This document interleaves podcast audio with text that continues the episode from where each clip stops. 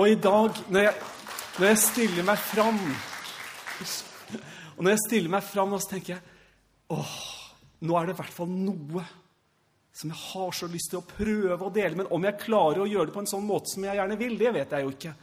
Men, men jeg har noe i dag som egentlig ikke er så veldig komplisert og vanskelig og dyptpløyende. Men det er noe om at en dag så var det et skille mellom Gud og mennesker. Det var en barriere som var så uoverkommelig at ingen av oss hadde en eneste mulighet til å nå opp til Gud. Fellesskapet med Gud var brutt, og det var kort og godt en håpløs situasjon. Og så har jeg noe på hjertet mitt som er så enkelt som at det var håpløst inntil Jesus kom. Inntil at alt ble forandra, for vi kunne ikke krysse den barrieren oppover. Men så viste det seg at denne barrieren kunne krysses allikevel. Ved at Gud steg ned og kommer ned til oss mennesker. Og så møter vi dette uttrykket om at Herren er nær. Eller Herren er med oss. Og det er det som ligger på hjertet mitt for denne formiddagen. Herren er nær. Du, vi møter dette uttrykket igjen og igjen og igjen når vi leser i bibelboka vår. Noen av oss tenker kanskje på en av de flotteste, mest kjente fortellingene. Vi tenker på Josef, som opplever det at han, han, er, han er utkalt fra tidens morgen til å gå inn i en oppgave. Vi kjenner fortellinga. Og det Josef opplever Han opplevde å bli urettferdig behandla, urettferdig dømt. Han blir sett på som en som hadde gjort de mest nedrige handlinger. Han hadde kommet der etter å ha blitt sveket på det verste. Så hadde han kommet til Potifars hus, og der blir han vist tillit. Og så blir han beskyldt for å ha svikta på det groveste. Det er ikke bare at han blir urettferdig dømt, men han blir urettferdig stempla som et grusomt menneske. Som ikke viste seg tilliten verdig på noen måte. Og så befinner han seg i fengsel. Urettferdig behandla. Og der, mens han er der i fengsel, den situasjonen, så hører vi Guds ord som taler. Du leser i første Mosebok. Der står det Men Herren var med Josef og lot ham vinne velvilje. Og den øverste fangevokteren i fengselet fikk godhet for ham. Hovedbudskapet er Men Herren var med Josef. Der møter vi det igjen. Herren var med. Og så tenker jeg, hva betyr det? Hva betyr det for deg og for meg at Herren vil være med oss? Hvis vi blar mange kapitler og bøker fram, så kommer vi til Dommernes bok. Og Dommerne beskriver noe av Josefs situasjon når de ser tilbake igjen. Og der står det om at Josefs barn dro også ut. De gikk mot Betel og Herren var med dem. Igjen og igjen i den tidlige, tidlige historien så leser vi om en person som heter Enok. Og vi vet jo ikke så mye om Enok, men vi vet litt. Vi vet at det står om Enok at Enok vandra med Gud. Så ble han borte, for Gud tok han til seg. Det vet vi om Enok. Og vi møter disse bildene. Enok vandra med Gud. Du, Tenk om det en gang skal skrives noe på din og min gravstein. Og tenk om barna våre eller andre som står oss nær, sier nei, det, det, må, det må stå noe om at han vandra med Gud. Det måtte jo vært noe. Nå kan jeg ikke si at dette spørsmålet opptar meg meget. Det gjør det slett ikke. Men tenk om det kunne sies om deg og meg at vi har med Gud å gjøre. For det merker de. Måten vi lever på, måten vi er på Jo, det er et menneske som har med Gud å gjøre. Han eller hun vandrer med Gud. Hvis vi blar litt videre framover, så møter vi Noah. Og, og du, hvis du synes at du bor i en vanskelig og tung tid her i Norge, og hvis du synes det er mye synd og elendighet rundt oss Og det benekter jeg ikke at det er. Men om du synes at byrden med alt det rundt oss er tung å bære Det var verre på Noas tid, selv om Bibelen taler om at det skal gjentas. Men du, han levde i en forferdelig tid. Da synd og urettferdighet og opprør mot Gud og stolthet og alt dette som står Guds vilje imot, florerte. Og midt i denne elendigheta så kan vi lese at Noah var en rettferdig mann. Ulastelig blant sine samtidige. Noah vandret med Gud. Midt i elendigheta så er det mulig å ha dette fellesskapet, denne nærheten, med den allmektige Gud. Og vi går videre. Vi leser om Abraham. Han hadde ikke fått løftesønnen med Sara, men Ismael var født. Og, og, og vi leser om hvordan Ismael drives ut, ut i ørkenen sammen med moren. Vi leser om hvordan de er i ferd med å omkomme gå til grunne der ute. Og så leser vi Gud var med gutten. Og han vokste opp. Han bodde ute i ødemarken. Altså, det å vandre med Gud Jeg tror det blir riktig å si at vi vandrer med Gud. Men det er visst like riktig å si at det er Gud som vandrer med oss. Gud var med gutten, verna om han, ga han det han trengte, beskytta og bevarte. Gud var med ham. Og vi sier jo ofte det til hverandre. Gud med deg, eller Herren med deg, eller Hva betyr det for oss? Jeg tenker på en annen av de store skikkelsene, erobrerne. En av de som skulle få lov til å være med og høste. Josva, arvtakeren etter Moses. Hadde vi lest der i Josva kapittel 1, helt i begynnelsen der, så leser vi om at Gud sier like som jeg var med Moses, vil jeg være med deg. Jeg vil ikke slippe deg, ikke forlate deg. Hvilket løfte! Jeg skal være med deg, Josva, på samme måte. Og Hadde vi lest en tre-fire vers lenger fram, så ville vi hørt hvordan Gud taler, og hvordan Gud sier, 'Vær frimodig og sterk. Frykt ikke.' Og vær ikke redd, for Herren, din Gud, er med deg i alt hva du tar deg fore. Og du, sånn som dette kunne jeg fortsatt. Jeg kunne ha nevnt Abraham, jeg kunne ha nevnt Sara, jeg kunne ha nevnt Ruth, jeg kunne ha nevnt Salomo. Jeg kunne ha nevnt den ene etter den andre, etter den tredje, etter den fjerde. Bibelen er full av det. Herren var med. Herren din Gud er med deg. Men jeg kan ikke holde på sånn og nevne. Men jeg må nevne to til.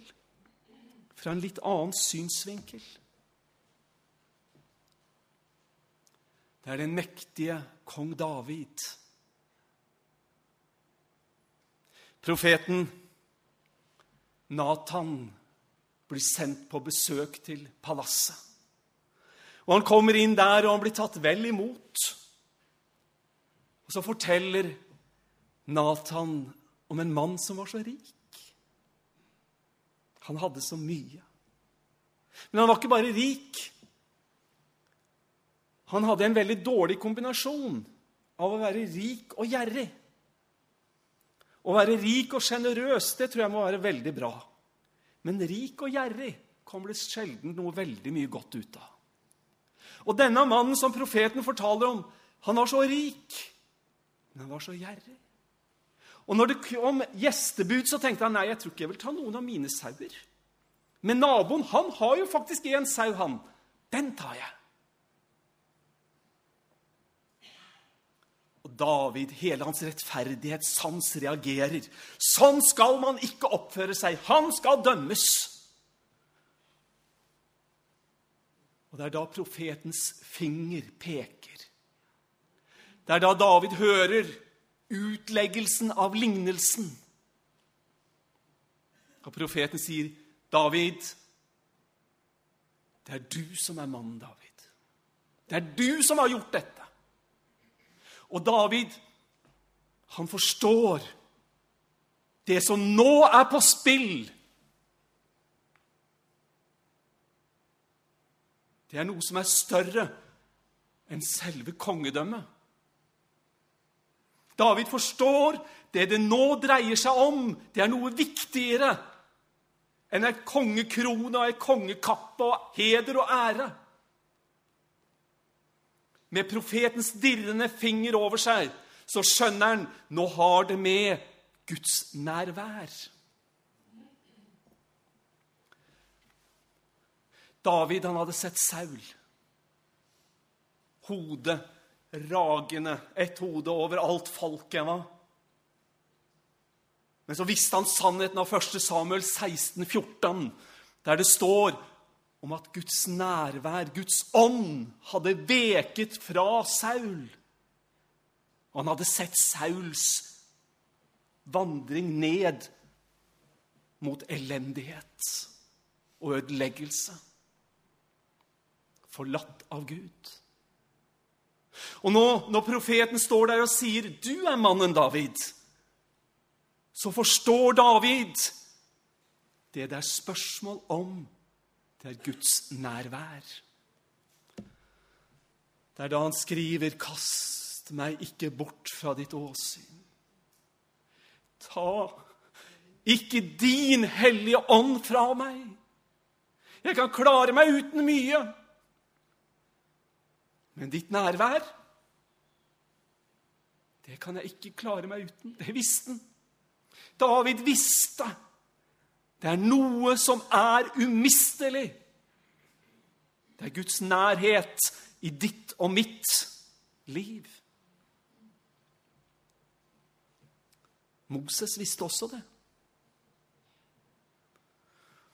Han hadde holdt på 40 år ute i ørkenen. Og nå står han der ved, ved liksom terskelen inn i det landet som flyter med melk og honning. Og han vet der! Der er målet! Rikdom, overflod, dette landet som er så godt. Dette som Gud har lovt meg. Og Så står han ved terskelen for å gå inn. Og så vet han det. Inn der der vil jeg ikke gå om ikke Gud er med. Han skriver, 'Dersom ditt åsyn ikke går med, da la oss ikke dra opp herfra.' Altså, det, det, det Moses sier der 'Jeg vil heller leve 40 år til her i ørkenen sammen med deg' enn å bevege meg de meterne inn i løfteslandet hvis ikke du er med. Heller leve i ørkenen sammen med Gud eller i overflod av velstand uten Gud. Guds nærvær er viktigere. Moses hadde visst skjønt dette, han, lenge før. Hebreerne 11 beskriver Moses som ung prins i Egypten. Han er blant de privilegerte blant de privilegerte. Framtida virker så fantastisk.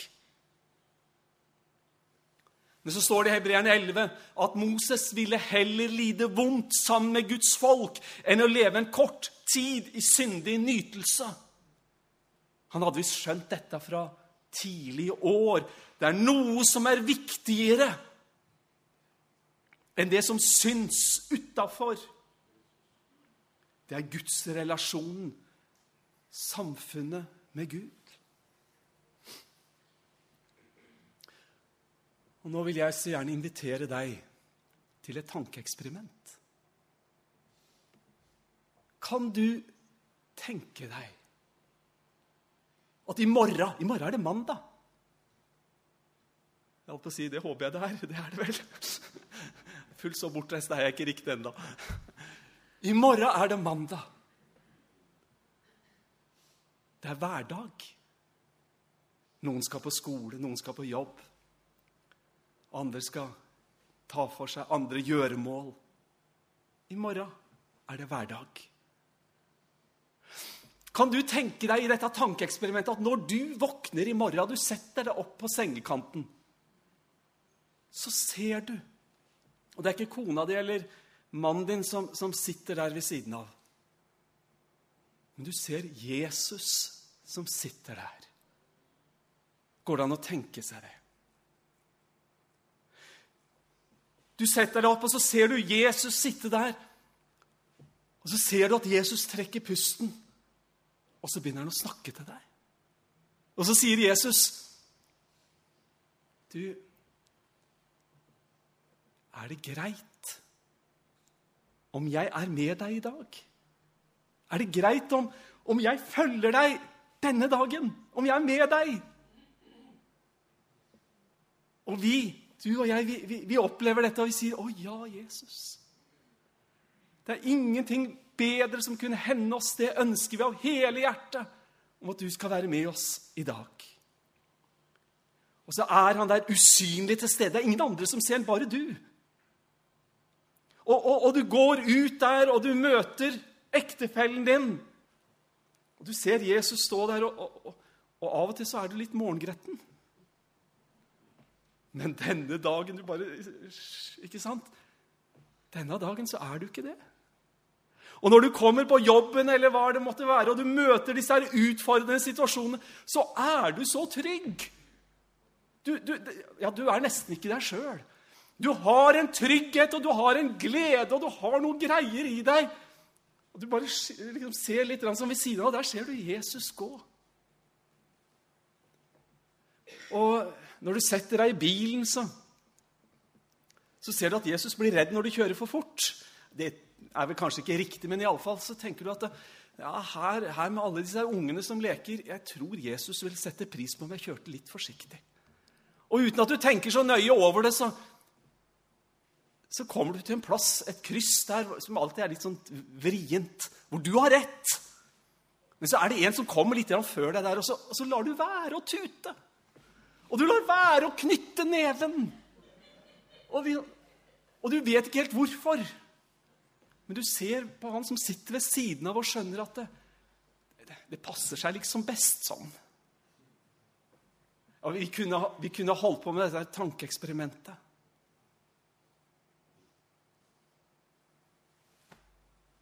Og når kvelden kommer, så spør Jesus vil du jeg skal være med deg i morgen også.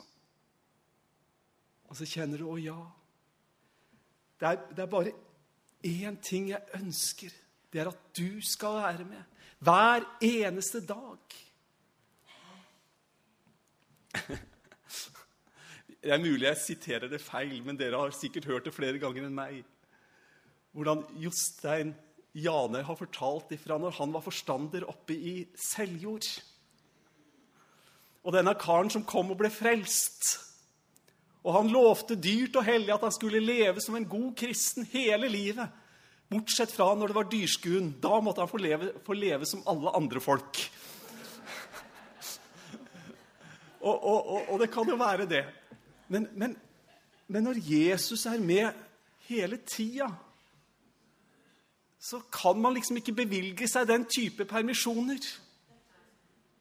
Da blir det noe som preger. Du, dette er mulig. Dette er ikke bare utopi, dette er ikke bare en drøm, dette er ikke bare liksom et eller annet sånn tankeeksperiment. Det er faktisk mulig å ha denne nærheten til Jesus. Jeg har nevnt Josef. Josefs barn. Jeg nevnte Enok, Noah, Ismael, Josva, David, Moses. Jeg nevnte egentlig ikke, jeg bare sa navna på Abraham, Sara, Ruth og Salomo. Og kunne fortsatt nevnt og nevnt og nevnt. Mennesker som vandra med Gud. Jesus, han samla disiplene. Han eh, underviste dem om at han ikke alltid skulle være sammen med dem. At tida nærma seg for at han skulle lide og dø. Og, og de skulle ikke alltid ha det sånn som de hadde hatt det de siste tre åra nå. Og så sier han til disiplene, 'Jeg har et løfte å gi til dere.' Jeg har et løfte. Jeg skal love dere noe. Og så sier han, 'Jeg vil be Faderen, og han skal gi dere en annen talsmann' 'som skal bli hos dere for alltid.' Sannhetens ånd. Verden kan ikke ta imot ham. For verden ser han ikke og kjenner han ikke. Men dere kjenner han. Han blir hos dere og skal være i dere. Og disippelflokken de sitter der og hører dette løftet. Og Hvor mye de forsto av det, det skal vi vel ikke overvurdere. Men det var like fullt et løfte. Uansett om de forsto alt eller ingenting, så står Jesus der til denne bekymra disippelflokken og sier han skal være hos dere for alltid. Han blir hos dere og skal være i dere. Noen uker seinere samler Jesus disiplene der ikke langt ifra Jerusalem. Og nå nærmer det seg virkelig tida for hans avskjed med disiplene. Hans død på korset ligger bak dem. Oppstandelsesmorgen, den har skjedd. De vet han lever, og han har vært sammen med de her noen uker etter oppstandelsen. Men nå er tida inne for avskjed. Men han har et løfte, og han har en utfordring å gi til denne disippelflokken. Jesus han sier, 'Gå derfor ut og gjør alle folkeslag til disipler'. Og så sier han, 'Det skal dere gjøre idet dere døper dem til Faderen og Sønnens og Den hellige ånds navn' 'og lærer dem å holde alt det jeg har befalt dere.' Så stopper det ikke der. Og så sier han, 'Og se' Jeg er med dere alle dager, inntil verdens ende. Du, det som hadde vært så håpløst, det, det derre skillet, den, den barrieren som vi aldri kunne komme over Vi var en gang atskilt, men så forandrer alt seg. Så opplever vi det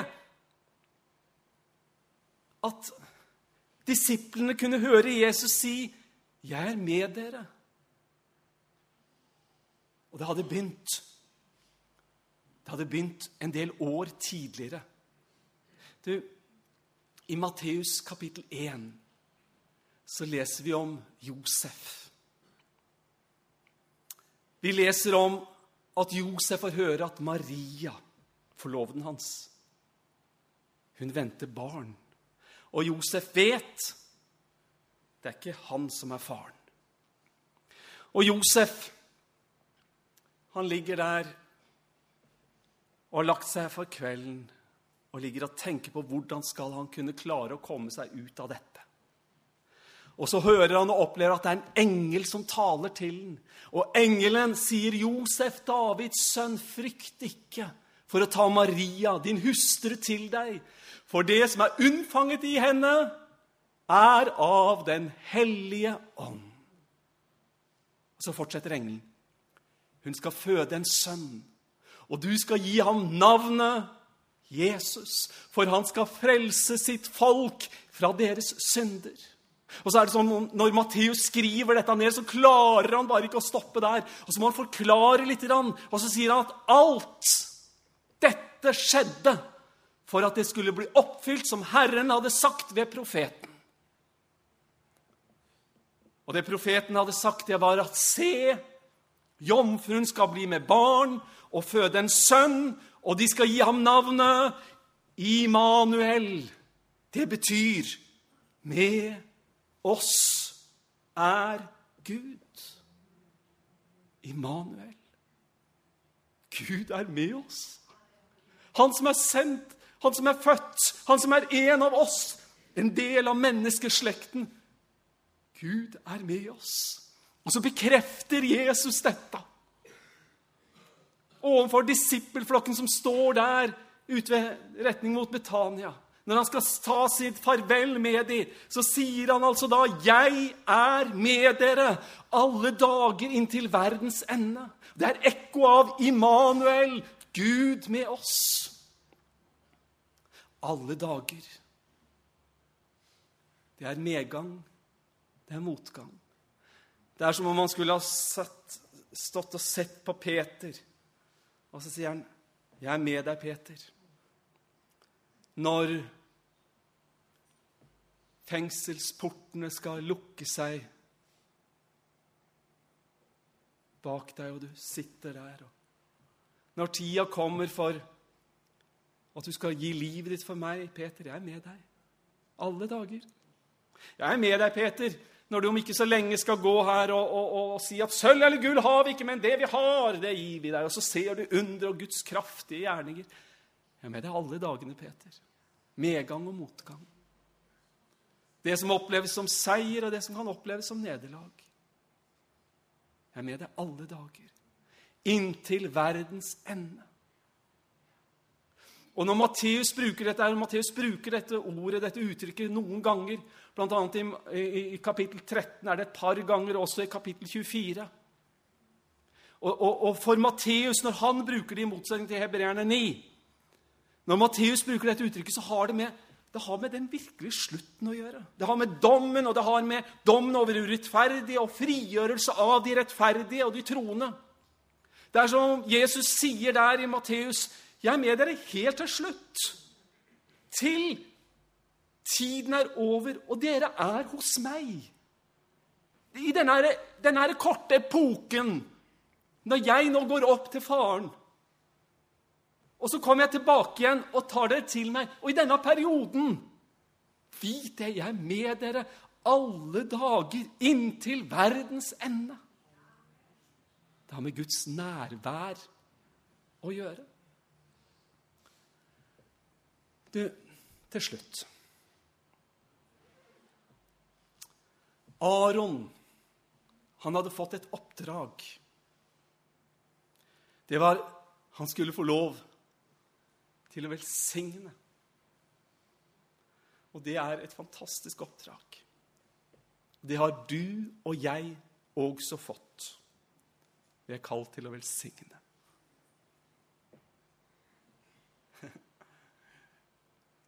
Jeg ble så forfjamsa når, når Signe kom opp her. Ja, det er Forfjamsa er litt for sterkt sagt av meg. Men du, hun ga en blomst. Og så tenker jeg på hvordan Jesus sier at, gjennom sitt ord om at vi skal konkurrere om å hedre hverandre. Kappes om å hedre hverandre, som det sto i den gamle oversettelsen. Du, å være med å velsigne. Tale vel om hverandre. Og jeg trives når det er sånn. Men du, Aron han var blitt kalt til å velsigne Israels folk. Og da var det ikke hva som helst han skulle si. Men det var dette han skulle si.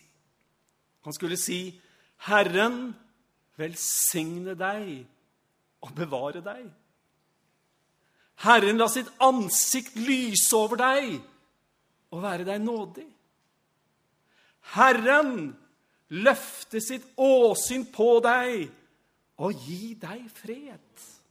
Altså, det har noe å gjøre med Guds nærvær. Han skal la sitt ansikt lyse over deg.